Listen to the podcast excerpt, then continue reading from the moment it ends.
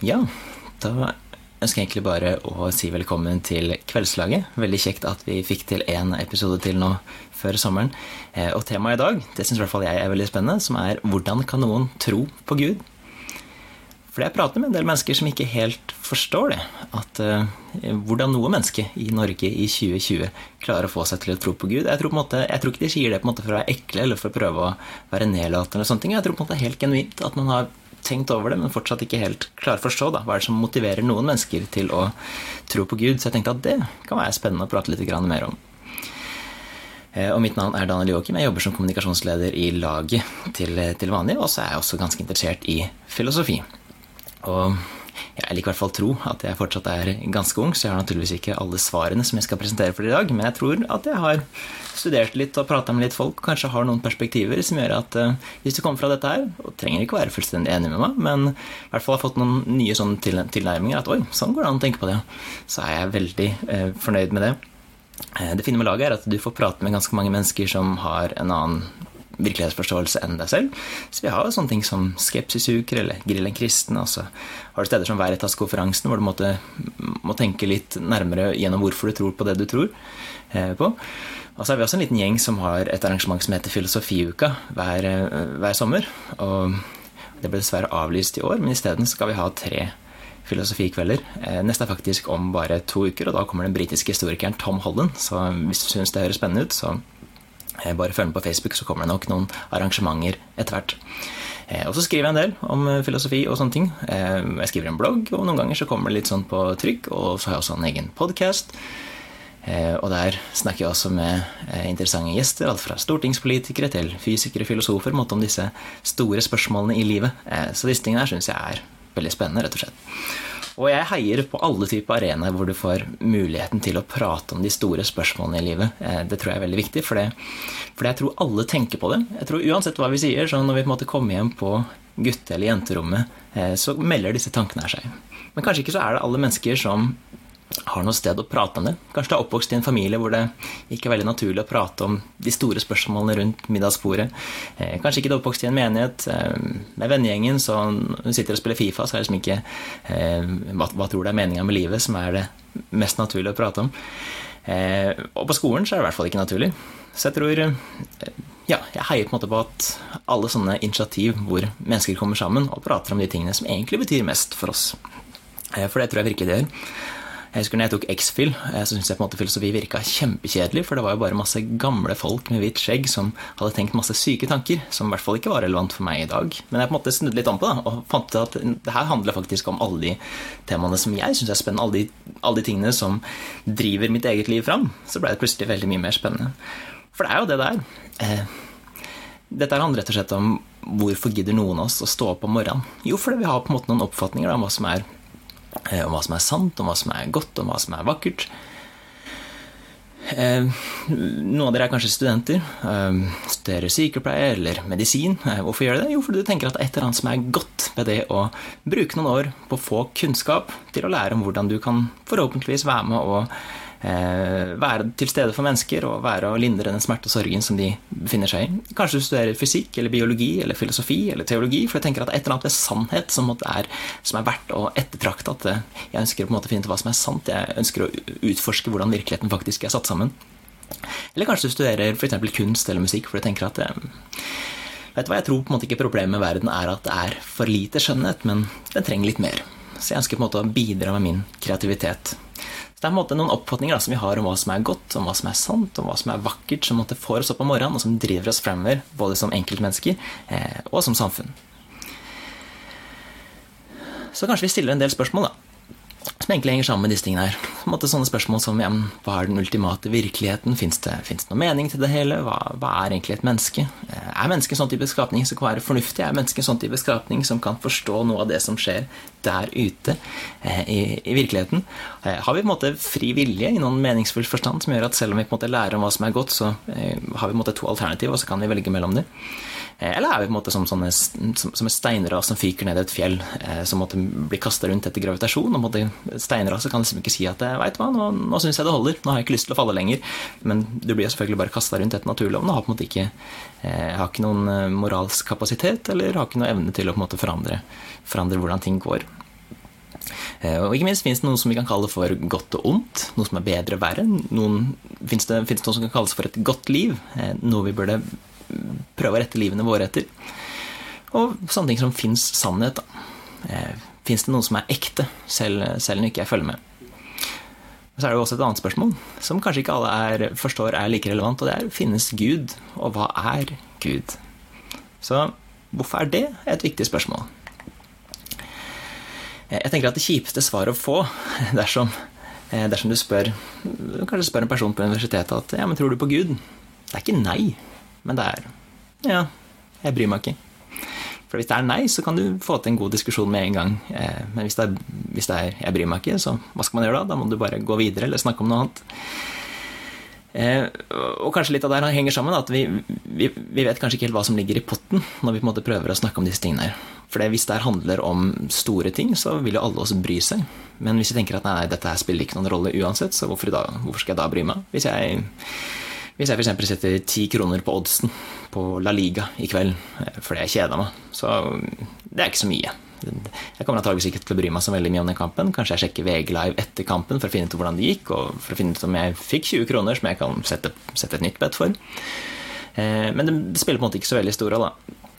Men si at jeg satsa 10 000 på den samme kampen, eh, så blir det plutselig noe ganske annerledes. Plutselig så får jeg på en måte en helt annet eh, emosjonell involvering til den kampen. Antagelig så setter jeg den på TV, og, så kommer jeg en måte til å være, med, være til stede i kampen. Da, og på en måte sitte og heie hver gang eh, sitte, sitte, og heie hver gang mitt lag, det laget som jeg heier, eh, satser på, er i angrep. Og så kommer jeg på en måte eh, til å berede hver gang motstanderlaget kommer, og så kommer jeg til å kjenne glede hvis de scorer, og så kommer jeg til å kjenne en sorg hvis de taper. Og i hvert fall hvis det på en måte er uavgjort og det er to minutter igjen til slutt, så kommer jeg til å bli veldig revet med. Og jeg kommer bare til å slippe jubelen løs dersom målet endelig kommer tre minutter eh, på overtid. For jeg, kan ikke tape 10 000 kroner. Så hva er dette med å tro på Gud, da? Er innsatsen egentlig ingenting? Er det ti kroner? Ja. Er det 10 000? Eller er det rett og slett alt det vi har? Alle de livsprosjektene som vi har i livet? Eh, jeg tror det spørsmålet har veldig mye å si eh, for, for vår tilnærming til det. Og det som er litt kjipt samtidig, er at eh, nesten alle debatter som foregår om Gud og religion, på steder som Facebook og i kommentarfeltet på Dagbladet på Twitter, er stort sett fullstendig irrelevante.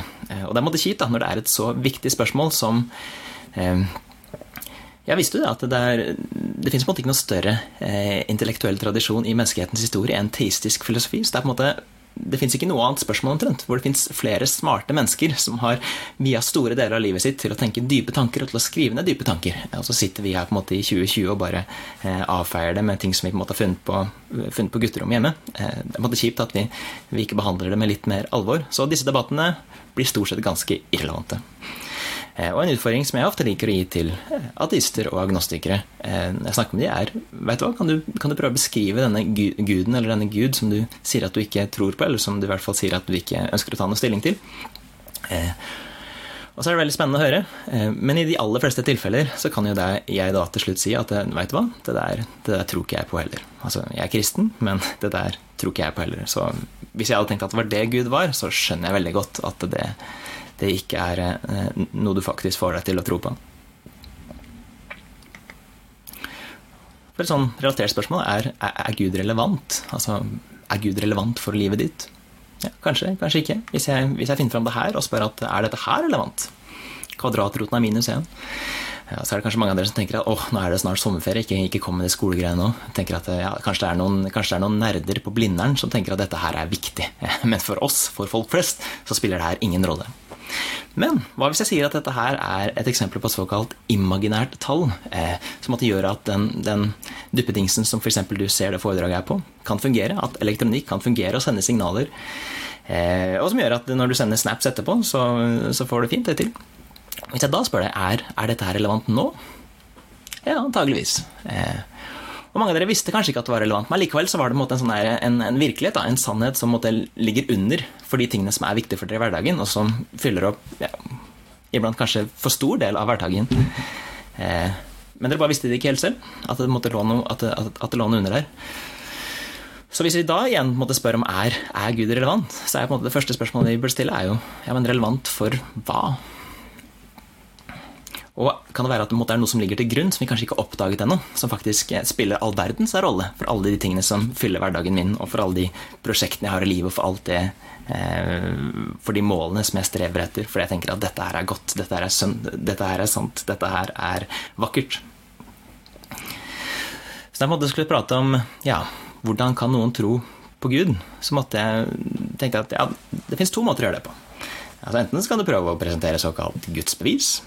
Eh, det finnes veldig mange gode gudsbevis, altså forsøk på å demonstrere at uh, ut ifra visse observasjoner, ut fra visse mekanismer som vi kan lære om fra, fra, den naturen vi lever i, så må det eksistere noe bak som måtte er sånn og sånn og sånn, som har de og de egenskapene.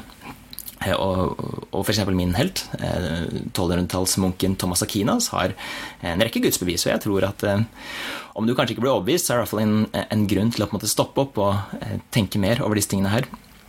Men hvis jeg skulle, skulle brukt nå en tre kvarter på å prøve å presentere et gudsbevis, så måtte jeg brukt all tida på å prøve å innføre en sånn teknisk terminologi og på en måte prøve å få fram disse her fine distinksjonene, for dette er veldig avansert stoff. Eh, og det tror jeg rett og slett kunne blitt ganske kjedelig, og kanskje ikke relevant for så veldig mange mennesker. Eh, det fins mange, mange, videoer av eh, gode mennesker som gjør det der ute. Eller så fins det noen bøker, så her kommer jeg med anbefalinger til bøker. For jeg tror på en måte at dette er et så stort og vanskelig tema som gjør at det, er ikke noe som passer best i et sånn kjapt videoformat, men som kanskje krever at du har en bok foran deg og på en måte kan, kan tenke, tenke, litt gjennom hva som står der, før du på en måte blar om til neste side, at du kan ta ting litt i ditt eget eh, tempo. Eh, så, er veldig, så, er det veldig, spennende. Eh, eh, den andre ting jeg kunne gjøre, var rett og slett å prøve å overbevise dere om hva som sto på spill. At innsats, innsatsen i det minste er litt høyere enn det du trodde. Eh, i hvert fall mer enn ti kroner. Og at også Gud kanskje er relevant. At det kanskje har noe å gjøre med de tingene som måtte underligger de tingene vi bryr oss om i hverdagen. Uansett hva du bryr deg om. Om det er flott musikk, eller om det er, om det er lesing, eller om det bare er å henge med venner. Så ligger det på en måte et, et nivå under der som, som spiller en veldig stor rolle. Og da tror jeg også vi kan ha litt mer spennende og relevante samtaler dersom vi faktisk snakker om noe som er relevant om Gud, og skiller oss ut fra 99,5% av alle Facebook-kommentarfelt og eh, Twitter-krangler.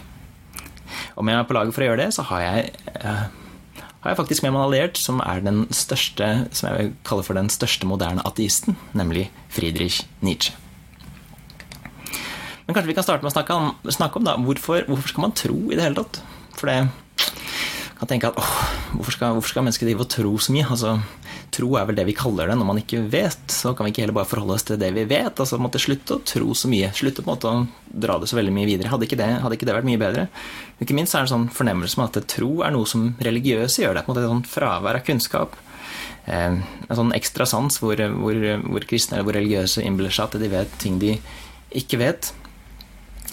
Eh, og, og, så Derfor så går på en måte kristne i eh, kirka på søndager, og så kaster de hendene i været, og så eh, kjenner de på masse sånne følelser, og sånne ting, mens vi rasjonelle folk vi, vi går selvfølgelig inn i laboratoriet og så finner ut hvordan ting egentlig fungerer. Vi har på en måte fornuft og vitenskap som skal finne fram til, finne fram til hva som er sant. Så hvorfor skal man tro så mye? Kanskje vi kan snu litt om på det og faktisk si hvordan kan noen ikke tro?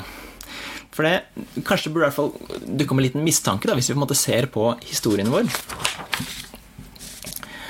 Eh, for det, hvorfor er det så vanskelig for oss å tro, eh, hvis du er en person som er oppvokst i Norge i 2020 eh, Hvorfor er det så vanskelig for oss? For hvis du ser tilbake i historien, så nesten hele menneskeheten har på en måte hatt en, en eller annen fornemmelse om at det fins noe guddommelig som står bak. Og så har man kalt det for litt ulike ting. Eh, men i hvert fall måte, den, den, den, umiddelbare naturen som vi ser her og nå, den, den, kan på en måte ikke være alt, men det krever på en måte at det i hvert fall er et ekstra nivå eh, bak det hele.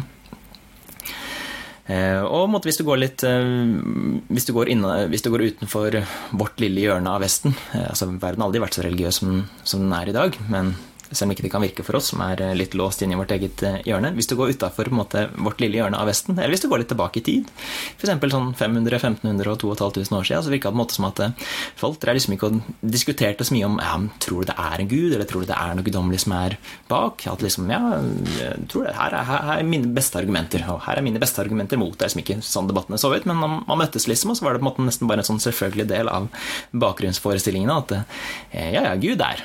så, så, så hva gjør gjør vi nå? Eh, men på et eller, annet, eh, et eller, annet, sted i historien så på en måte slutta, slutta, vi med det. I hvert fall i igjen vårt lille hjørne av eh, Vesten. Så hva, hva, var det vi fant ut? Hva var det de oppdaga som, som forandra på alt? For det fins jo, jo, en del ulike ting som vi alle tror på. Eksempel så tror jeg at Caracas er hovedstaden i Venezuela.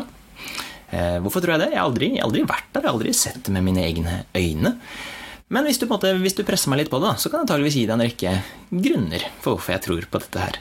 Eh, de grunnene kan være forskjellige. Kanskje jeg har en eh, globus hjemme, og der har jeg sett at eh, jo, der er et land som heter Venezuela, og vips, der var faktisk til og med hovedstaden eh, Caracas. Jeg tenker at den, den, globusen er til å stole på. Kanskje jeg har søkt opp på Google, kanskje jeg har en venn som har tatt noen bilder som jeg har lagt ut på Facebook og sagt at veit du hva, i helga så var jeg i Venezuela, og da var jeg i hovedstaden Caracas. Kanskje jeg har lest om det i nyhetene. Det har vært en del nyheter om Venezuela, i hvert fall siste året eh, osv. Så, videre. så hvis du måtte presse meg på det, så kan jeg gi en rekke grunner til hvorfor jeg tror på dette. her. Og så er det litt andre ting man tror på. For så tror jeg ofte at Vy-toget kommer til tida. Eh, og gjerne kall meg naiv, men i hvert fall når jeg går til eh, Oslo S, så har jeg på en måte en forventning om at det toget jeg skal til, det, det vil bringe meg dit jeg skal, til sånn noenlunde riktig tid. Og det er rett og slett fordi jeg har en del eh, grunner. Jeg har en del for eksempel, erfaringer om at eh, jo ofte så kommer det faktisk til tida, eller kommer som i hvert fall maks et par minutter over. Men eh, så har jeg også noen erfaringer som tilsier at vet du hva, jeg kan ikke satse livet mitt på det her. For det, plutselig så kommer ikke tog. Og plutselig så er det fem minutter forsinka, ti minutter forsinka, 20 minutter forsinka. Og så er det innstilt, og så er det plutselig buss for tog, og så er det ja, mye forskjellig som gjør at ja, jeg tror at toget kommer til tida. Men men jeg er ikke villig til å satse livet mitt på det. Jeg er ikke villig til å eh, ja, gå all in eh, på det. Eller det kan være andre litt sånn uh, syke ting. Jeg kan, jeg kan, tenke at vet du hva, nå er det så mye tull i Norge at jeg tenker at jeg, jeg, tror at jeg er statsminister fordi jeg, jeg kunne løst dette her på en veldig mye bedre måte. Så jeg kan tenke at ja, det er der står jeg. Eh, og jeg er statsminister, og jeg kommer på en måte til å eh, løse Norges problemer. Og så kan jeg på en måte prøve å gå rundt på gutterommet hjemme på en måte prøve å få fram tanken at eh, Joakim, du er statsminister, Joakim, du er statsminister, Joakim, du er statsminister, og prøve å få meg selv til å tro på det. For det er jo en innmari fin tanke, syns i hvert fall jeg. Kanskje ikke så mange andre. Men antageligvis til slutt så må jeg bare må jeg bare gi tapt. Eh, for det er mange, mange, ting som hadde vært fint å tro, men ingenting blir jo sant bare fordi eh, det hadde vært fint å tro det. Eh, så hvis man på en måte skal tro på noe, så må det være fordi vi har gode grunner til å holde det for sant. Jeg kan tenke at det hadde vært fint hvis det var noe, noe godteri som lå inn på, inn på senga mi nå, f.eks. potetgull, det er jeg veldig glad i. Men problemet er at jeg har, jeg har, ingen, jeg har ikke noen gode grunner til å, å tro på det. Kanskje jeg er heldig. Kanskje, kanskje, kona mi bare tenkt helt ut av det blå at eh, vet du hva, nå ønsker jeg å gjøre Joakim glad, så hun har kjøpt masse potetgull og tilfeldigvis lagt det på senga. Eh, eller kanskje det er noe enda litt mer far out at det har vært en eller annen tyv akkurat på eh, Rema 1000-butikken på hjørnet her. Han, han stakk akkurat bare godteriavdelingen, tok med seg masse potetgull eh, ut av butikken, og så løp han inn her eh, nedover gata hvor vi bor, og vi bor i, bor i første etasje. Eh, og så møtte han på politiet, og så fant vi ut at jeg kan ikke bli tatt med tyvegods, jeg må bare kvitte meg med det. Og så kaster han det inn vinduet vårt, slik at det havner på senga mi eh, til slutt. Og antageligvis vil jeg da egentlig bare bli eh, ganske sur, for det betyr at vinduet mitt er knust, eh, dessverre. Men igjen, det kan være en sånn utrolig kosmisk tilfeldighet. Men jeg har ikke så mange grunner til å tro at det er sånn det er. Og så er det en andre ting jeg tror på. Jeg tror f.eks. jeg tror på kona mi. Vi hadde treårs bryllupsdag i går. Hvis dere hadde vært her nå fysisk til stede, så har jeg fått applaus. Jeg bare venter litt og mottar den applausen. Men jeg, jeg, tror på henne. Og jeg må innrømme at foreløpig så har vi hatt det ganske greit. Altså, vi har det, vi har det på en måte fint sammen, og vi har på en måte ikke opplevd noen sånne store prøvelser. Men kanskje kommer det. Og da tror jeg på en måte at hun kommer til å stille opp. Kanskje plutselig en dag så så får jeg kreft eh, og blir bare sengeliggende og kommer til å måtte være en helt annen person, være, være pleietrengende og sånne ting. Og det har jeg ikke opplevd før, men jeg tror på en måte at selv om det hadde skjedd, så ville hun vært der, og hun ville stilt opp. Eh, vet jeg at hun hadde gjort det? Nei, det hadde jeg ikke. Nei, nei det gjør jeg ikke. Men jeg har en god del grunner til å tro da, at hun ville gjort det. Og så kan du si at ja, men Joakim, det er jo ikke snakk om tro, det er på en måte snakk om tillit. Eh, da skal jeg svare at ja, men kanskje kanskje Gud også ikke handler så mye om tro som om tillit. Eller i hvert fall at de ordene ikke er så fjernt fra hverandre som, eh, som, vi skulle tro. Og så er det andre ting vi tror på, som f.eks. at ja, to pluss to er lik eh, fire. Eh, og så kan du kanskje tenke at ja, men Og det er på en måte så det er så sikkert da, at det er veldig vanskelig å få seg selv til å ikke tro det. Jeg klarer på en måte nesten ikke å tvile, selv om jeg prøver å mane fram den tvilen. For det er på en måte så sikkert framfor meg. Og så vet jeg måte at disse ligger disse tingene som er ramsatt nå, ligger på litt sånn ulike epistemiske nivåer. Men det er liksom bare for å prøve å få tankene litt i gang da, på de ulike tingene som vi, som vi tror på. Så hvordan er da troen på Gud? Er den eh, er den, er den, som å prøve å tro at jeg er statsminister? Ja, hadde vært fint. Det betyr kanskje at jeg får evig liv og alt dette her. Men jeg klarer på en måte ikke å få meg selv til å tro på det. Så til slutt så må jeg bare gi opp. Eller er det som å tro at to pluss to er lik fire? Eller er det litt mer som å tro at Vytoget kommer til tida? Eller er det rett og slett som å ha tro på kona mi? Som sagt, folk eh, eh, Folk langt tilbake i tida tok jo nesten her som en selvfølge, virker det som. Men, men, men, hvorfor gjorde de det, da?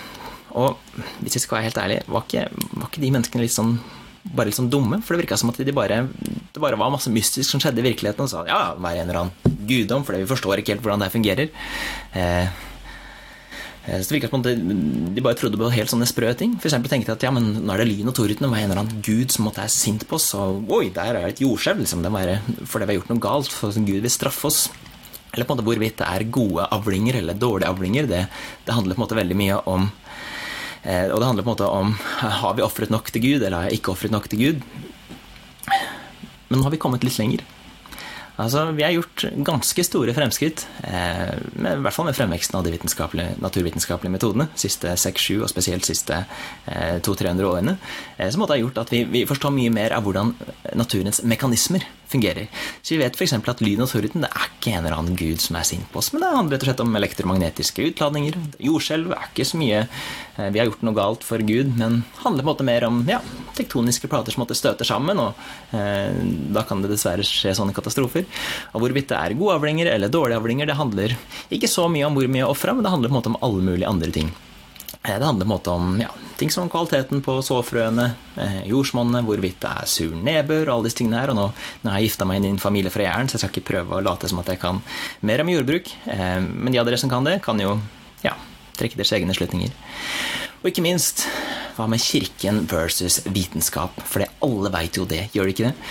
At opp igjennom historien så har kirken hatt veldig mye makt eh, over hvordan mennesker tenker. Men plutselig så kommer det en liten gjeng med folk som sier at vet du hva, vi ønsker å tenke selv, vi ønsker å se gjennom et teleskop og finne ut av hvordan ting faktisk fungerer. Og da blir kirka redd, fordi de kan jo miste makta si. Eh, så da må man måtte prøve å holde de nede, da. Eh, så hvis, hvis, det måtte ikke ha vært for kirken, så hadde vi antageligvis vært, vært 500 000 år 500 eh, eller 1000 år lenger, eh, lenger fremme. Er det ikke sånn det er? Eh, og det var jo disse historiene jeg på en måte hørte hørte når jeg gikk på videregående og skulle ta den beslutninga at vet du hva, kan jeg kalle meg for en kristen?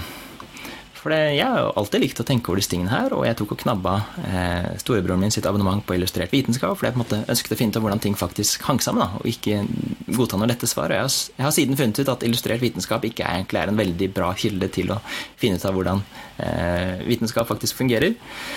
Eh, men jeg er i hvert fall veldig nysgjerrig på disse tingene her. Så hvis det for å kalle meg for en kristen betydde at jeg bare måtte legge hodet på hylla, så var det ikke så veldig aktuelt. Fordi jeg ønsket å finne ut av hvordan ting faktisk var.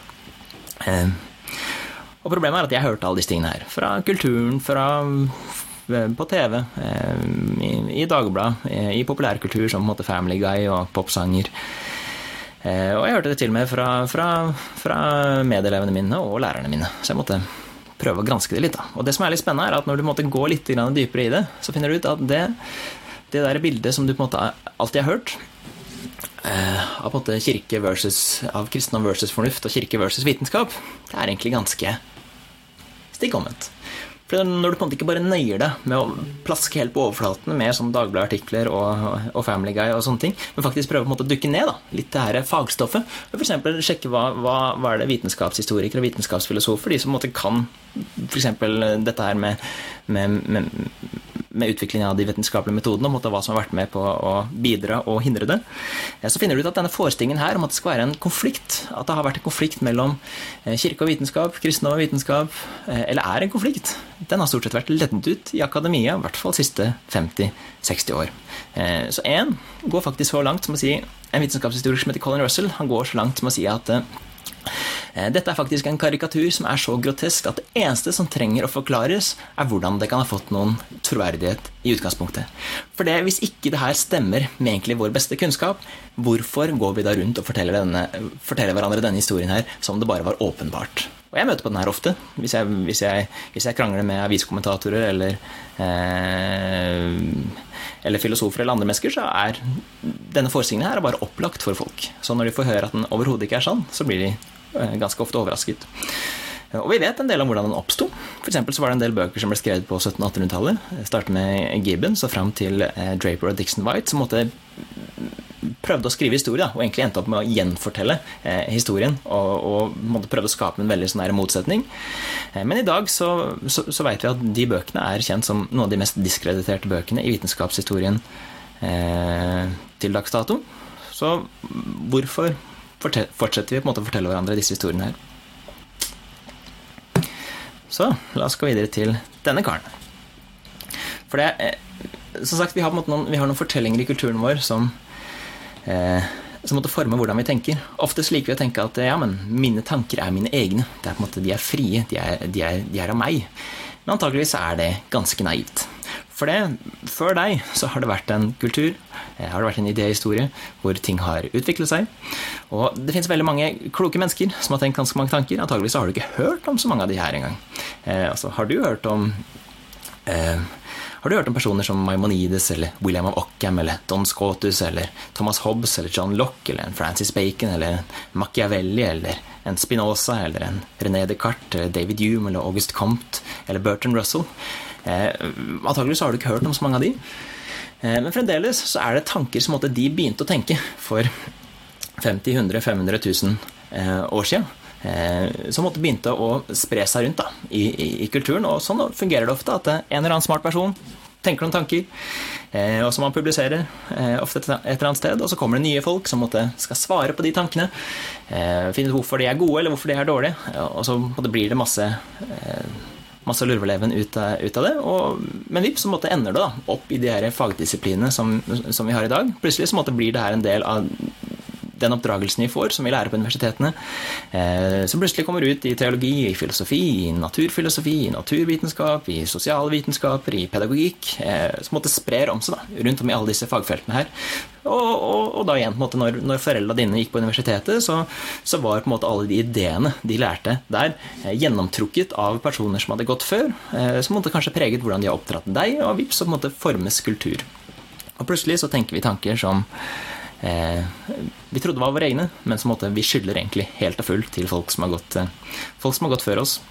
Så det å vokse opp i Norge i 2020, det tror jeg på en måte former våre bakgrunnsforestillinger, våre selvfølgeligheter, på en helt annen måte enn det det har gjort eh, noen gang før. Eh, som gjør at noen ideer tenker bare at det her er helt selvfølgelige, de, selv om de aldri har vært selvfølgelige før. Men for oss er det på en måte bare ja, men hva i alle dager skulle alternativet ha vært? Så vi har en del sånne antakelser som, som, vi ofte ikke tester ut, da, som vi ikke prøver ut. Eh, og for å være ærlig, de, de fleste av oss kan heller ikke gjøre det. Eh, vi har en del antakelser, jo dypere de antakelsene stikker, jo, jo, vanskeligere er det å begynne å skifte det ut, for da er det så mye av mitt liv som måte, må, må, skiftes ut. Men de fleste av oss har jo ikke tid til dette her, til å teste ut alle antakelsene våre, for det er så mange av de.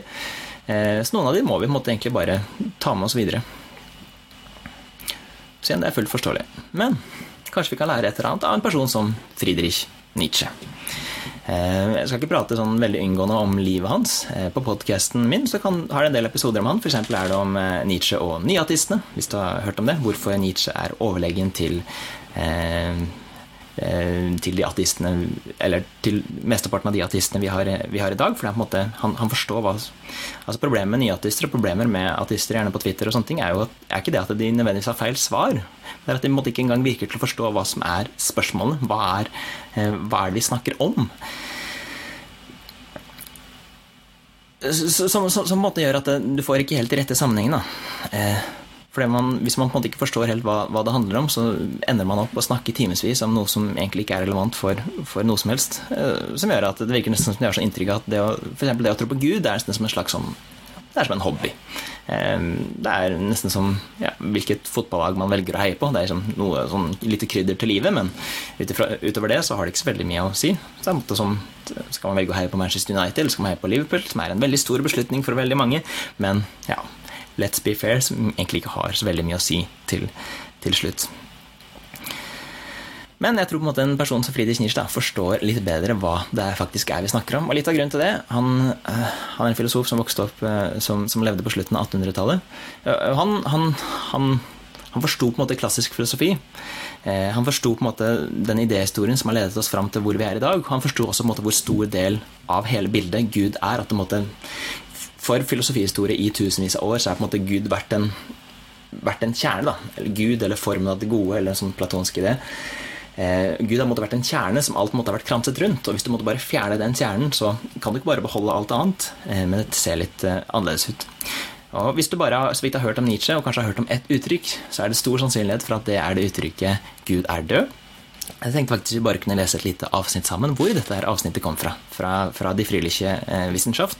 Og her, så måtte, Hvis du ser for deg på en, måte en gal mann som løper inn på en markedsplass ja, Kanskje i dag så løper han inn på Karl Johan eh, og på en måte prøver å fortelle folk da, en, en, en, sannhet som de ikke har tatt inn over seg.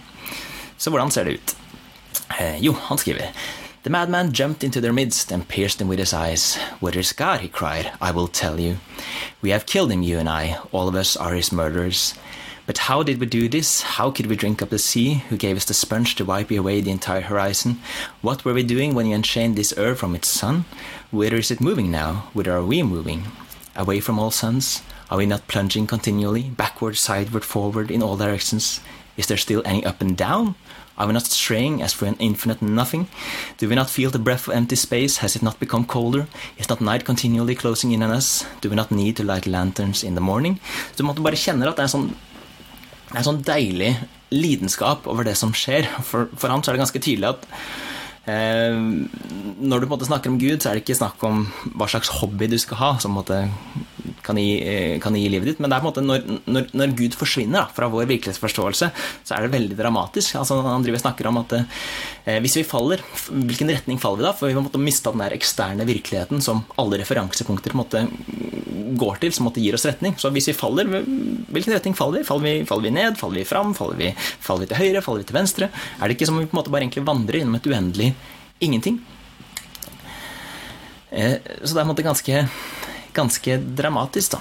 Eh, og så er det siste avsnitt her, hvor han skriver Do we hear nothing as yet of the noise of the gravediggers who are burying God? Do we smell nothing as yet of the divine decomposition? Gods too decompose. God is dead. God remains dead, and we have killed him. How shall we comfort ourselves, the murderers of all murderers? Is not the greatness of this deed too great for us? Must we ourselves not become gods simply to appear worthy of it? There has never been a greater deed, and whoever is born after us for the sake of this deed, he will belong to a higher history than all history. Hitherto. Så han sier liksom at dette er det største som har skjedd i historien. Og det er på en måte ganske annerledes da, fra hva du hører i dag. Og så spør han også at eh, når dette er på en måte så dramatisk at hele vår virkelighetsforståelse på en måte bare faller sammen at eh, ja, vi, kan, vi, kan, ikke lenger kalle noe for bak eller fram eller for sant eller usant eller for godt eller ondt eller for bedre eller for verre eller for vakkert eller stygt. For vi, vi, har mistet eh, vi har mistet det holdepunktet, det er logoset, som, som gjorde at alle de ordene tidligere ga mening. Så nå er på en måte alt falt sammen, og vi må tenke alt på nytt. Så hvordan skal vi klare å leve med dette her, spør Nietzsche. Jo, vi må bli guder selv. For det er på en måte sånn at hvis, hvis Gud ikke er det øverste i hierarkiet i den virkeligheten vi lever i, så, så går, det, går, på en måte den, den, plassen øverst på tronen til neste, neste type skapning.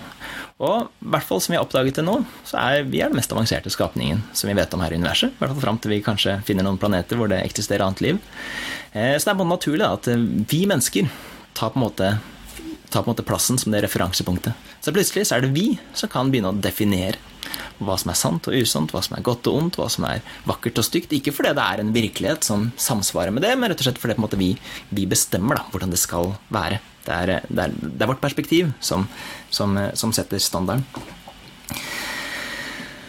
Så det er på en måte, det er forfriskende her at det virker som at Nietzsche forstår mye bedre hvor mye som faktisk står på spill, og at eh, f.eks. ateister i dag, til og med det språket de bruker for å kritisere kristendom, at ja, men vi, vi, bryr oss om sannhet, vi ønsker å skape en bedre verden hvor vi kommer sammen, eh, mindre overtro, eh, mindre fordommer, mindre diskriminering, men vi, vi ønsker på en måte at eh, det skal være frihet, og man skal leve gode liv, og eh, vi skal finne ut hva som er sant. Til og med det språket er på en måte eh, helt og fullt måtte koblet til at man egentlig fortsatt tror på Gud. Da. Og det var problemet til Nietzsche, var at han merka at eh, de, de, noen av de intellektuelle som levde på hans tid, på en måte hadde forkasta Gud som en sånn abstrakt idé, men allikevel så gikk de fortsatt rundt og levde som om Gud faktisk eksisterte. Som om disse ordene som sannhet og godhet og skjønnhet fortsatt ga noen mening. Og at mening fortsatt ga noen mening, for det, det fins jo ikke noe mening utover den vi, utover den vi skaper selv. Eh, og, og, og, dette her var kjemperelevant for han tydeligvis på slutten av 200-tallet. Jeg tror kanskje det er desto mer relevant i samfunnet vårt at det finnes fortsatt mange mennesker som tenker at ja, vi bare blir kvitt kristendommen, nå skal vi finne ut av hva som er sant. Eh, og at kanskje ikke du har den luksusen. For det er rett og slett, du må, du må, du må, bygge, opp, du må bygge, opp, alt det du trodde du visste, eh, på nytt. Eh, en annen av mine favoritter er denne karen. Han heter Charles Taylor og er kanskje den mest kjente sosiologen som fortsatt eh, lever i dag. Eh, og han har en stor bok som heter A Secular Age. Eh, som er på sånn rundt 1000 sider. Så det er en sånn svær murstein. Eh, veldig god til, eh, som, som, forsvarsmiddel hvis du måtte gå rundt i Oslos gater, som er jo ganske utrygge om dagen. Hvis du måtte ønske å vise, folk, vise til folk da, at veit du hva, du, du, kan ikke angripe meg, for jeg har denne boka her, jeg kommer til å slå tilbake. Og, og, boka hans er godt for også, for i den boka så måtte analysere hvordan, hvordan skjedde det at vi kom fra eh, at vi kommer på en måte fra middelalderens tid hvor på en måte religiøsitet og troen på Gud på en måte nesten gjennomspøkte samfunnet, til at vi faktisk er eh, i vår tid i dag, hvor vi, hvor vi er sånn mer sekulære, og hvor vi på en måte eh, holder, holder alt dette her på en armlengdes, armlengdes avstand. Eh, hvordan ser det ut? Og, og, og, der så tar han inn, inn, et konsept som er ganske, som, som er ganske nyttig, tror jeg, som heter metanarrativ. Eh, og narrativ betyr egentlig bare historie. Så det er på en måte sånne metahistorier. Eh, historier som ligger bakenfor våre historier. Eh, og jeg tror noe av det viktigste man kan si om mennesket, er at vi er historiefortellende vesener. Kanskje først og fremst. At så lenge vi på en måte har visst at visste om at mennesker har eksistert. Så virker det som at vi måtte ha sittet rundt leirbålet. Så lenge vi har hatt språk, i hvert fall. Så virker det som at vi har sittet rundt leirbålet og fortalt hverandre historier. Spennende historier om, som gjør at vi prøver å forklare eh, verden rundt oss. Måte, historier som måte, skal fortelle om noe, hvem vi er. Da. Og hvis noen måte, spør deg eh, hvem er du, så er det ganske sannsynlig at du, du, vil på en måte ikke begynne å liste opp en masse sånne vitenskapelige datapunkter. liksom Si at jo, jeg er så og så høy, jeg er, veier så og så mye, og kroppen min den, den består av så og så mye nitrogen, så og så mye, eh, så og så mye hydrogen, så så mye jod, eh, osv.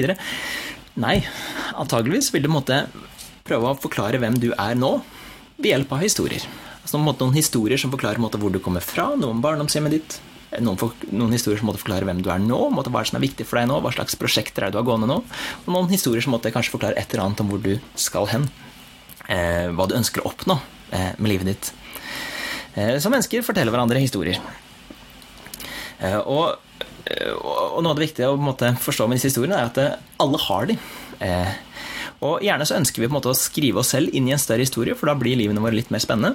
Da de målene vi setter da, på en måte får litt mer mening dersom vi er en del av den store kampen for, for fornuft og vitenskap, eller for antirasisme, eller for, eh, for alle disse tingene her. Og vi ønsker alltid å skrive oss selv inn på den lyse siden. Eh, for det, historie har måttet også en sånn viktig oppdragende funksjon. altså Lenge før barn går på universitetet og lærer om pliktetikk og konsekvensetikk og dydsetikk, eh, så hører de historier. Eh, og de historiene på en måte er med på å forme de. Så det finnes masse sånne historier som ligger bakenfor kulturen vår. F.eks. Asbjørnsen og Moe om Askeladden og på en måte at eh, underdoggen, underdoggen kan vinne. Og at han skal ta vare på alt han kommer over. Det finnes en del kristne historier som fortsatt preger vår kultur. Hvordan Jesus møter mennesker, det barmhjertige samaritan osv. Og så finnes det en del eh, ekte historier om, eh, om f.eks. andre verdenskrig, hvor eh, vi var på siden til de allierte og, og, og nedkjempet denne fryktelige ideologien, nazismen. Eh, heldigvis. Og så finnes det en del historier eh, som f.eks. Harry Potter eller Ringenes herre eller Narnia eller eh, Marvel-universet, hvor vi på en måte hvor vi, hvor vi, på en måte selv ønsker å stille oss da, på den lyse siden, den som kjemper for fremgang, fremgang, den som kjemper for at ting skal bli bedre. Så for alle kulturer så er det en sånn metanarrativ som ligger bakenfor oss, som vi ønsker på en måte å skrive oss selv inn i. Altså, Jeg ønsker å være Harry Potter, jeg ønsker ikke å være Voldemort. Jeg ønsker å være eh, Aragorn. Jeg ønsker å være eh, Jeg ønsker på en måte å være på den riktige siden. Så det er på en måte noen historier som ligger bakenfor. Eh, og, og, og, kristendommen har jo en ganske sånn åpenbar historie. Eh, altså Alt startet et sted. La oss kalle det for en skapelse. Eh, men så skjer det et eller annet som måtte For det noe som vi alle observerer, uansett hva slags livssyn vi har, er at ting er ikke helt sånn som de skal. Det fins ganske mye smerte og lidelse, og det er et eller annet ved denne tilstanden, et eller annet ved denne virkeligheten som, eh, som ikke er sånn som det skal. Og for kristendommen så forklarer man at ja, men det har vært et syndefall. Eh, men samtidig så skjer det et eller annet måte i historien om at det et sånn vendepunkt, noe som måte, skaper håp. At ikke vi, er, vi er ikke bare henlatt i all denne sorgen og lidelsen, eh, men det er noe som skaper håp. Eh, og For oss er jo det at Jesus kommer inn i historien og på en måte peker, peker ut en frelsesvei. Og så er det et eller annet, eh, en eller annen historie om hvor vi skal hen. En eller annen sånn paradis der framme hvor, hvor, hver tåre skal tørkes, og hvor sorg og smerte ikke er noe mer. Eh, måte håp da, om en fremtid hvor ting er radikalt annerledes enn det det er i dag. Men hvis du måtte forkaster denne kristne historien, så er det ikke sånn at du bare går rundt der og forholder deg til masse datapunkter og ikke har en historie lenger. Nei. Eh, og i hvert fall for noen av de kanskje de mest aggressive ateistene. Så du trenger på en måte et surrogat, du trenger en erstatning som faktisk ligner ganske på den kristne historien. Og kanskje kan det se, noe, se, ut, som, se, noe sånn, se ut, som, noe sånt som dette er, at eh, jo, vi kommer fra et sted. Eh, det har, en, det har vært en big bang, og så har det vært en prosess, biologisk prosess som er utvikla over hundrevis av millioner av år, som til slutt ha skapt skapninger som oss. Eh, og jeg har ikke noe problem med Big Bang eller evolusjon, men på en måte at det, eh, at det er hele historien. Da. Det er på en måte alt man kan fortelle om mennesket. Jeg tror at det er litt mer man kan fortelle om mennesket eh, også. Men så skjer det et eller annet på historien som gjør at ting ikke er så bra som det i hvert fall kunne vært. Eh, og da tenker jeg at jo, det er på en måte at religion og overtro eh, kommer inn i bildet. Hvis, for det, hvis folk bare hadde vært rasjonelle, og hvis folk bare hadde forholdt seg til vitenskap, så ville, ville livene våre, ville samfunnet vårt sett mye bedre ut. Men heldigvis så kommer det inn en frelser her også. altså f.eks. opplysningstid og utviklingen av de vitenskapelige metodene som vi må feste vår lit til, som kommer til å forandre alt. Og den peker ut et håp mot eh, et eller annet stadie der framme, hvor hver tåre skal tørkes, og hvor sorg og smerte ikke er noe mer, og hvor religion og overtro ikke er noe mer. Og Så finnes det også en liten gruppe med ja, såkalte transhumanister som f.eks. tenker at eh, jo, kanskje et eller annet sted så kommer teknologien til å gjøre det mulig for oss å laste opp, eh, laste opp meg selv, laste opp min egen bevissthet inn i en datamaskin, inn i en sky, litt sånn som Dropbox. Slik at jeg faktisk kanskje til og med kan ha et håp om et evig liv. Ja, så når du måtte ser f.eks. debatter som har med livssyn, med virkelighetsforståelse, med religion å gjøre eh, online, så merker du ofte at det, dette er ikke veldig rasjonelt, egentlig, fra noen av sidene. Eh, for det er ganske mye emosjoner, ganske mye følelser knytta til dette her. Og der handler jo rett og slett om at vi, vi, vi diskuterer til syvende og sist noe som betyr veldig mye for oss selv. Vi, vi diskuterer kanskje det som betyr alt for oss selv. Og Da er det ganske vanskelig å bare ha det sånn på en armlengdes avstand. Så det er ikke sånn at den ene sida bare sier at eh, veit du hva, her er premiss én, her er premiss to, og her er konklusjonen. Eh, hva tenker du om det? Så tenker jeg ja, det er et godt argument, men jeg, jeg vet ikke helt med premiss to. Kan vi kikke litt nærmere på det? Det er, ikke, det er ikke helt sånn det ser ut. Men det blir fort ganske emosjonelt, rett og slett fordi det, det handler på en måte da, om at jeg ønsker å skrive meg selv inn på den lyse siden. Jeg ønsker på en måte være, eh, jeg ønsker være en helt. Og selvfølgelig hvis den andre siden måte, er det som stopper deg fra det, fordi de representerer religion overtro, eh, så er det på måte veldig vanskelig å ha en god diskusjon eh, om, om, om, disse tingene her. Så alt er på en måte en del av en større historie. Også kristendom har en sånn underliggende myte, men sånn som C.S. Lewis sa, at eh, kristendommen er en sann myte. At eh, den, den forklarer kanskje i veldig sånn billedlige termer vår tilstand, men kanskje den forklarer det så bra nettopp fordi den også dypest sett er sann. Men i hvert fall spørre om hva, hva er egentlig alternativet. da. Oi, der kom den fram òg. Fordi vi ønsker på en måte å ha noen gode grunner for å tro. Og jeg tror Nietzsche på en måte har helt rett i at når, når Gud er død, så forandres alt. Du, du, kan ikke bare gå videre, selv om de fleste av oss ønsker å gjøre det. At du på en måte bare kan beholde de tingene som er viktige for deg, som er kjært for deg, og, og kaste vekk all denne gudegreia. Så på en måte mens, eh, mens, en del moderne ateister ønsker bare å krysse videre og liksom si at ja, men vi kjemper for fornuft, vi kjemper for det gode samfunn, vi kjemper for ikke-diskriminering, vi kjemper for vitenskap, eh, så vil på en måte Nietzsche gjerne bare si at de har ikke forstått stort, for det, er på en måte, det tilhører det gamle bildet, hvor Gud fortsatt var kjernen av det hele. Og så sier han at ja, men vi lever i Buddhas skygge. Hva betyr det? Jo, det betyr at det fins en sånn legende som sier at når, når Buddha døde, så satt han i lotusstilling. Eh, og så satt han foran en vegg som gjorde at måtte, solen bak han kasta en skygge på den veggen. Og når han da døde, så falt han jo selv ned. Eh, men skyggen måtte fortsatt være der på veggen i flere hundre år, faktisk. Og litt det samme, sier Nietzsche, er, er, sant om samfunnet vårt. At ok, det fins kanskje, eh, kanskje, noen folk som har forkasta Gud som en sånn abstrakt idé. Kanskje fordi de ikke helt vet hva som menes med, med ordet Gud i utgangspunktet. Eh, men, men, men samfunnet våre, vi, vi, fortsetter å leve som om eh, Gud fortsatt er. Vi, vi, all politikken vår, alle, eh, all, all diskusjonene våre, alle diskusjonene våre fortsetter måten nesten å ta det for gitt at Gud fortsatt er. Da diskuterer vi at ja, men vi Hvorfor skal, hvorfor skal, vi satse på utdanning i samfunnet vårt? Jo, for det, utdanning, fordi kunnskap er et gode. Det er, det er, det er et mål å finne ut av hva som er sant. Så måtte, alt språket vårt da, er, er gjennombora av dette her. her. Og måtte, fra dette perspektivet da, så kan du i en forstand si at uh, de uh, Egentlig så å si alle ateister som, eller alle selverklærte ateister som lever i Vesten, som lever i Norge, er fortsatt gudstroende i denne forstand her. For det er de, liv, de, livene de lever, og de ideene de er dedikert til, det veier ganske mye tyngre enn det der lille quiz-spørsmålet at ja, men, Tror du på Gud? Gi din mentale tilslutning, eller ikke gjør det.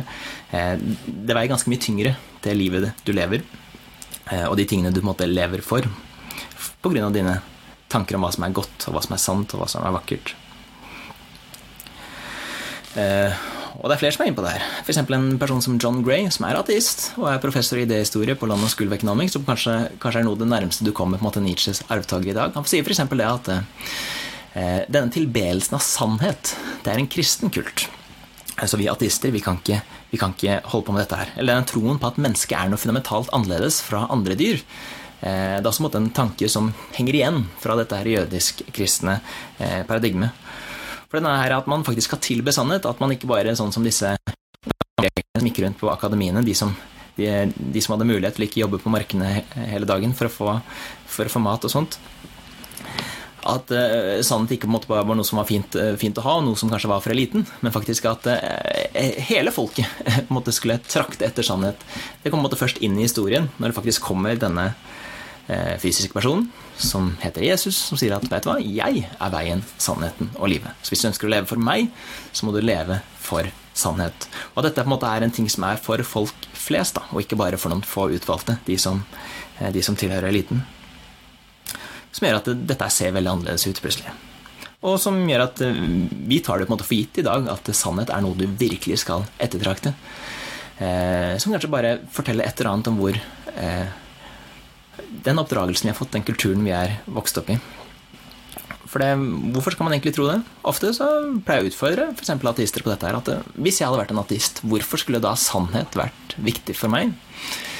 For det, Da tenker du f.eks. at eh, jo, jeg er, en, jeg er en sånn type skapning som eh, jeg er en sånn type skapning som er utvikla etter en prosess som er primært retta etter overlevelse og reproduksjon, og i beste fall sekundært retta mot sannhet. Og sannhet er på en måte i beste fall eh, et middel til å oppnå dette her første målet om overlevelse eh, og reproduksjon. Så kanskje sånne enkle sannheter er viktig å forstå.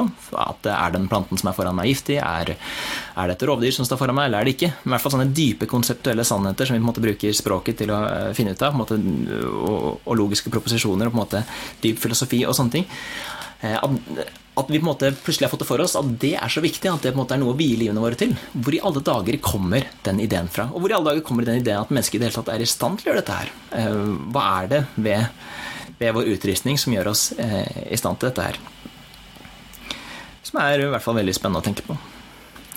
Eh, og, og du finner mange figurer, litt sånn på tvers av livssyn og eh, politisk spekter. Du har liksom marxister som Terry Eagleton eller eh, Alistair McIntyre, eh, folk som Jordan Peterson eller den britiske historikeren Tom Holland som kommer snart, eh, sier på en måte at altså Han skulle skrive en bok en måte, om, om, hva som hadde formet våre ideer, og fant jo til syvende og sist ut at eh, Han bruker måte et bilde da, at på samme måte som en gullfisk som svømmer i vann, så svømmer vi, vi vestlige, og, og, vi briter og vi nordmenn, eh, vi svømmer i et vann av kristendom. Og det er på en måte så nært til oss at eh, kanskje på samme måte som en gullfisk tenker at hm, her, her, er det vann. Så tenker kanskje heller ikke vi over disse tingene her. Men samtidig så er det en måte, vi er gjennomtrukket av, da, og det, det, former på en måte alt det vi tenker, alt det vi gjør, alt det vi sier, eh, på en måte som gjør at det, det er så nært oss at vi ikke klarer å være klar over det eh, på egen hånd.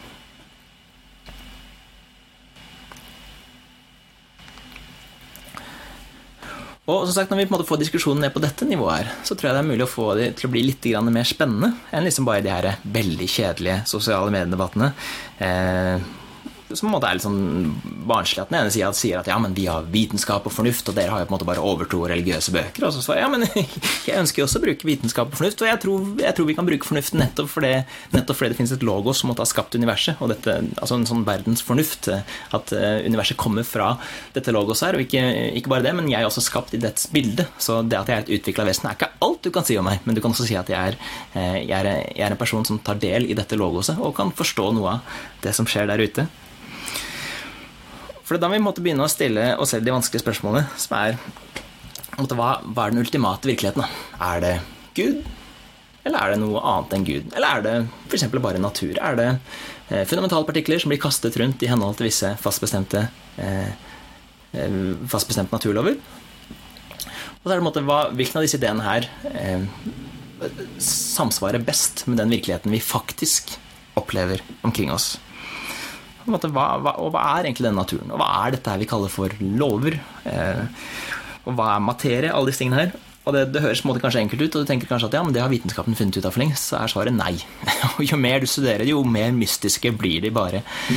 Eh, for dette er på en måte sånne dype filosofiske ideer som ligger til grunn for uh, f.eks. moderne naturvitenskap, som, som må løses før man i det hele tatt kan begynne å utforske naturen med disse systematiske verktøyene og prøve å sette den inn i matematiske modeller eh, og kategorisere hvordan mekanismene er. Så må du måtte først prøve å si noe meningsfullt om hva er naturen i utgangspunktet, og hva er disse lovene, og hva er denne matematikken som vi bruker til å beskrive den, alle disse tingene her. Eh, og selvfølgelig, dette er jo store spørsmål, så jeg tror jeg bare skal la det gå der, men jeg håper i hvert fall at noen av dere faktisk syns dette her er spennende nok til at dere ønsker å dukke videre ned i det. For dette her er ikke noe vi kommer gjennom på tre kvarter eller en time.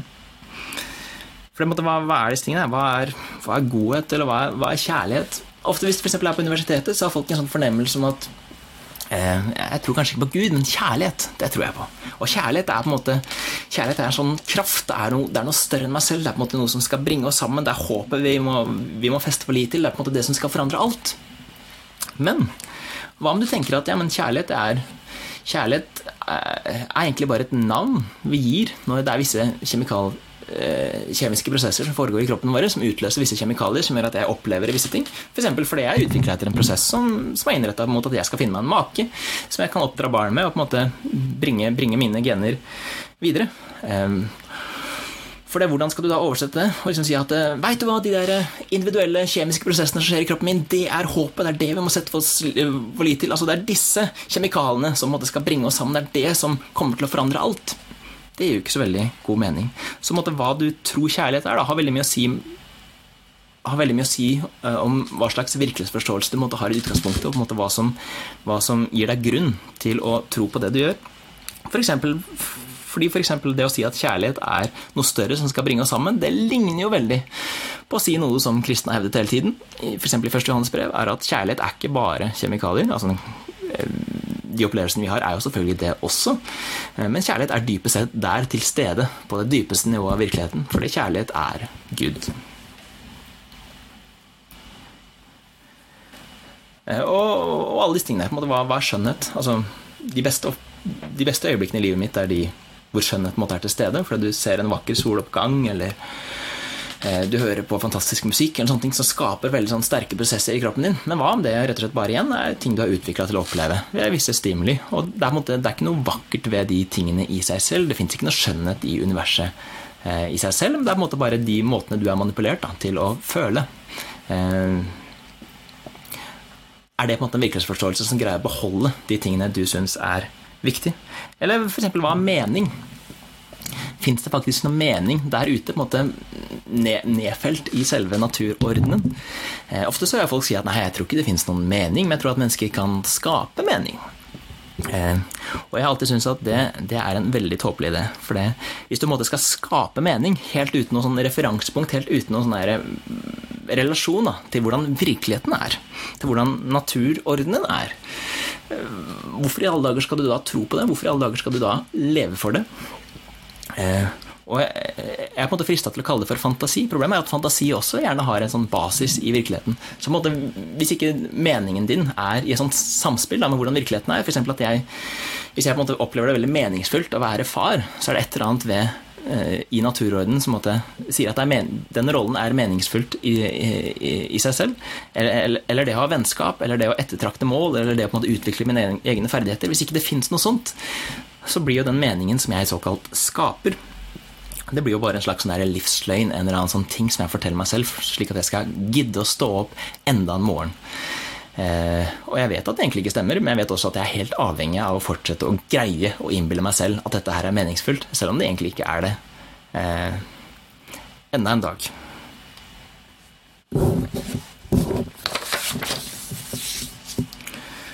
Sånne ting som hva, hva, hva er sannhet? Altså, Nietzsche sier at ja, det fins ikke noe sannhet der ute. Det fins ikke noe sånn hvordan ting er, noe som gjør alle påstander sanne, eh, eller noe sånt. Men det fins i beste fall måte bare perspektiver. Det er mitt perspektiv, og det er ditt perspektiv, og det er naboen sitt perspektiv, og det er alle disse perspektivene. Eh, men du kan ikke kalle at noe er sant, da. Eller si at det er eh, sannhet er noe du burde ofre for. Sannhet er noe du burde ja, Sannhet er noe du skal ofre noe av din komfort for, eller noe du skal gå ut av veien for å, for å finne. Eller noe du skal studere for å oppnå, osv. Eller, ja, eller struktur er det klart hvordan måtte alle disse tingene i virkeligheten eh, egentlig ofte består av det samme.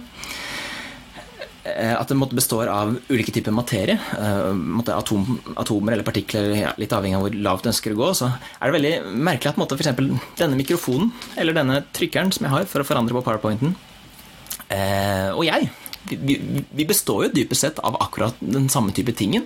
Måte materie, om du ønsker å formulere som partikler, eller hva du ønsker å, eh, hva du ønsker å gjøre. Men allikevel så, så, er det et eller annet ved struktur. Det fins noen strukturerende, et logos i universet som fungerer Eh, som gjør på en måte at ting begynner å henge sammen da, og får vidt ulike egenskaper, som gjør at denne mikrofonen her kan ta opp lyd. Jeg, jeg kan ikke ta opp lyd. Som gjør at denne trykkeren her kan få, få slidene til å eh, forandre seg, og til og med kan sende en liten sånn, eh, en liten sånn laser.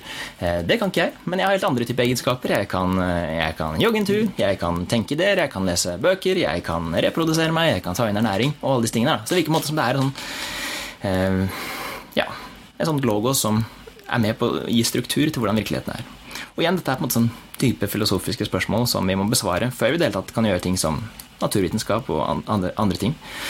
Og igjen, hvordan kan det eksistere skapninger som oss som er fornuftige? For det, hvis alt det som skjer oppi, denne barken her, er at eh, det er visse nerveceller som driver og fyrer av gårde i henhold til visse fastbestemte naturlover, men at det, det er ikke noe vesensforskjellig fra igjen hvordan et steinrås blir kastet ned en hvordan en steinras blir kastet ned en fjellvegg, eh, så er det veldig vanskelig å forstå hvordan jeg likevel har evne til å forstå ting som skjer der ute, og til å kunne greie å sette ord på det. Eh, til at jeg kan bruke avanserte konsepter og utvikle et språk. og At jeg kan sette inn i sånne logiske proposisjoner. Og si liksom at ja, men alle mennesker er dødelige, og, Sokrates er et menneske, derfor så må Sokrates være dødelig. At liksom det er ting som følger med nødvendighet, og jeg er i stand til å forstå det. Eller matematikk, som på en måte er så abstrakt. Det er, måte, det er ikke noe du tar i, men det er liksom bare en ting du, ting du nesten eh, laster ned. Da. Og når jeg tenker matematikk, og når du tenker matematikk, så er det på en måte den samme type virkeligheten vi tenker over. Det er liksom ikke bare noen tilfeldige nerveceller som fyrer av gårde i mitt hode, og så er det noen tilfeldige nerveceller som fyrer av gårde i ditt hode.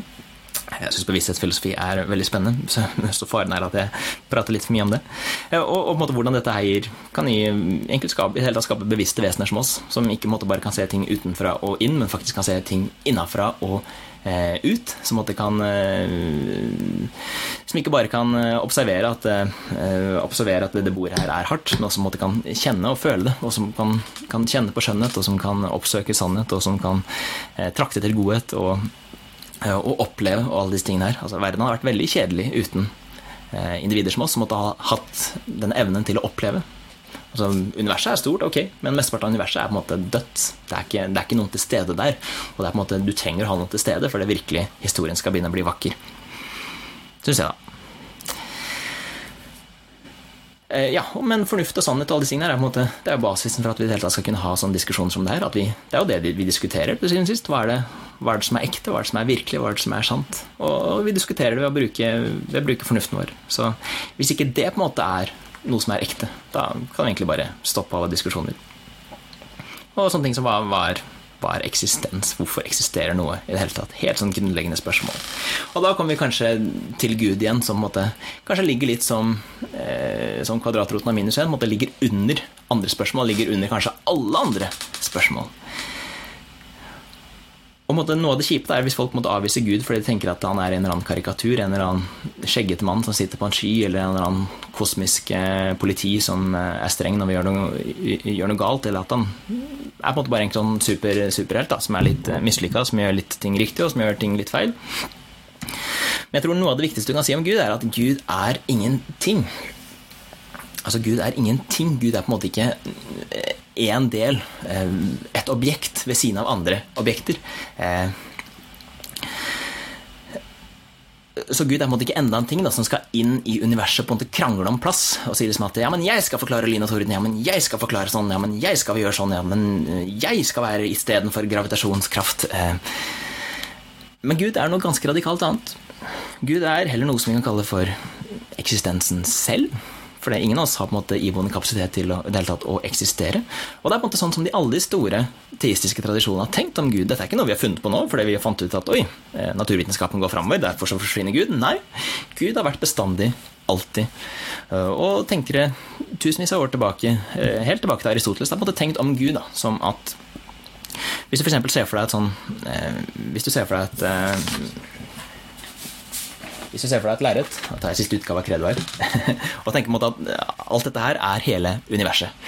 Og på denne tingen her så er på en måte alt det som eksisterer. Altså Her kan du finne alt. Her kan du finne planeter, her kan du finne solsystemer, her kan du finne eh, her kan du finne alt som eksisterer. Her kan du finne deg, her kan du finne meg, her kan du finne historien, her kan du finne Julius Cæsar langt tilbake. Her kan du på en måte finne alt. Eh, her kan du finne nyeste låta til Justin Bieber på Spotify. Her kan du finne Eh, her kan du finne den nyeste TV-serien som du syns er spennende på Netflix. Eh, og sånne ting. Så er på en måte, Gud er ikke enda en ting som måtte prøver å komme inn her og måtte konkurrere om plass og sier som ja, flytt deg gravitasjon eller flytt deg Netflix-serie eller sånne ting. Men Gud er heller på en måte selve lerretet. Som måtte gjøre at noe av dette her i det hele tatt får muligheten til å utfolde seg. Så du kan fortsatt kritisere det, men hvis du skal kritisere Gud, så kritiser i hvert fall noe som Gud faktisk er. For det, det er veldig lite spennende å høre på noen som eh, sier at Gud bare er en utdatert vitenskapelig hypotese. For det, da, da, har du ikke lest noe historie. Da, eh, da har du ikke lest noe særlig filosofi. Så for all del, bare gjør det. Men det er ikke en diskusjon jeg gidder å være med i. For sagt, Dette er på en måte store og vanskelige spørsmål. så Det er lett å forstå hvorfor noen ønsker egentlig bare å lene seg tilbake og liksom si at ja, jeg har et get, get out of jail free card. Så liksom jeg har et kort som gjør at jeg nesten vinner på walkover. Fordi jeg sier at jo, jeg, er, jeg forholder meg bare til rasjonalitet og fornuft og vitenskap og alle disse andre flotte ordene som mennesker liker å knytte til sitt navn. Eh, men du, du, du, du tror på gamle hellige bøker og ting som denne guden forteller at du skal gjøre. Eh, og sånne ting. Og det, det blir veldig kjedelige diskusjoner. For det vi snakker til syvende og sist, måte, hva, hva er den virkelighetsforståelsen som hjelper oss best til å forklare alt? Også hvorfor naturvitenskap er mulig, og hvorfor fornuft og rasjonalitet er mulig, og hvorfor, eh, hvorfor nestekjærlighet eller antirasisme er en god ting, eller hvorfor noe er vakkert, osv.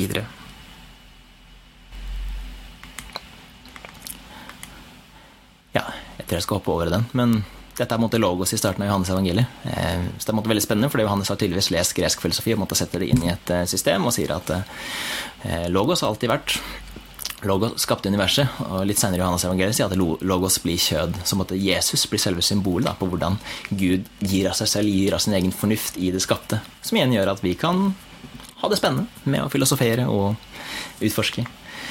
Eh, men ja, jeg lurte på at må du, må du, hodet, må du legge hodet på hylla hvis du skal være en kristen? Så jeg liker alltid å ta fram det dobbelte kjærlighetsbudet.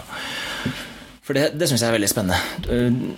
De fleste av dere har hørt denne andre delen, at du skal elske den neste som deg selv. Men dette er på en måte basically eh, Det er på en måte de skriftlærere som kommer til Jesus og på en måte sier at eh, Eh, du Jesus, hvis du måte, skal oppsummere hele loven og profetene, eh, hva, hva er på en måte da det, det største budet? Eh, litt sånn som du gjør, sikkert. Altså, nå har det akkurat vært eksamenstid, og når det er eksamen, så ønsker du på en måte å spørre læreren at ja, men får vi dette her på eksamen, hva er det som er relevant? Jeg gidder ikke å lese hele pensum, altså kom on, det er ingen som gjør det. Men liksom bare fortell meg hva som er viktig, fortell meg på en måte hva jeg må kunne for å komme meg videre.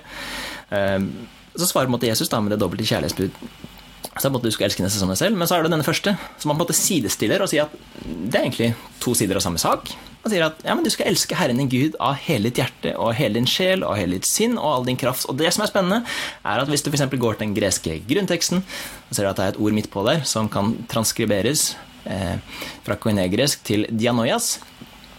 Og hvis du f.eks. slår opp det i en ordbok, så kan det bety sånn kritisk tenkning eller fornuft, eller på en måte det å, det, det å prøve å forstå alle sider av en sak. Eh, så Det står nesten bokstavelig talt da, at du skal elske Herren din Gud av hele din fornuft. Så hvis noen av dere tenker at eh, vet du hva, det å bli kristen det handler om å legge fornuften på hylla, så tro igjen. For det selveste Jesus har kommandert oss til at vi kan vise han ære ved å bruke vår egen fornuft. Og det, det syns jeg er veldig fint. For det, til siden sist handler rett og slett om hva, hva gir oss gode grunner for å tro også de tingene som er viktige for oss. Hva gir oss gode grunner til å tenke at den medisinen jeg studerer, det, det, det oppdraget om å, om å, ta smerte og sorg for andre mennesker, det er noe som er godt. Eller det å, det å utforske matematiske modeller eh, i fysikken av hvordan universet fungerer, det er, det er, noe som er verdt å gjøre. Eller at det er, er verdt å bringe mer skjønnhet inn i, inn i verden. Så måte, hva, hva, hva, gir oss gode grunner til å tro? Da? Hva er det beste underlaget? For det, jeg tror vi først må måtte utforske hva er det vi har gode grunner til å tro på. Kan vi tro at noe er godt? Kan vi tro at vi faktisk kjemper for kjærlighet? Kan vi tro at sannhet er noe som eksisterer, og ikke minst at det er viktig, at det er noe vi burde ofre for? Så hva tror vi på? Og i alt dette her, hva er egentlig troa på Gud? Er det som å tro at to pluss to er lik fire? Er det som å tro at jeg er statsminister i Norge? Er det som å tro at vi, toget, kommer til tida? Eller er det som å ha tillit til kona mi? Hva tror vi på? Jeg tror i hvert fall vi må stille de riktige spørsmålene først. Så hvis man fortsatt, i hvert fall ønsker å gjøre det og dukke litt dypere, så er jeg veldig fornøyd. Så eh, ja, tusen takk for i dag. God sommer. Og hvis noe her var uklart, så tror jeg eller hvis du ønsker å ha noen spørsmål, så tror jeg jeg, jeg slår av her nå. Men du kan eh, sende spørsmål i kommentarfeltet, og så prøver jeg å svare i løpet av kvelden eller morgendagen. Så tusen hjertelig takk. Ha det godt.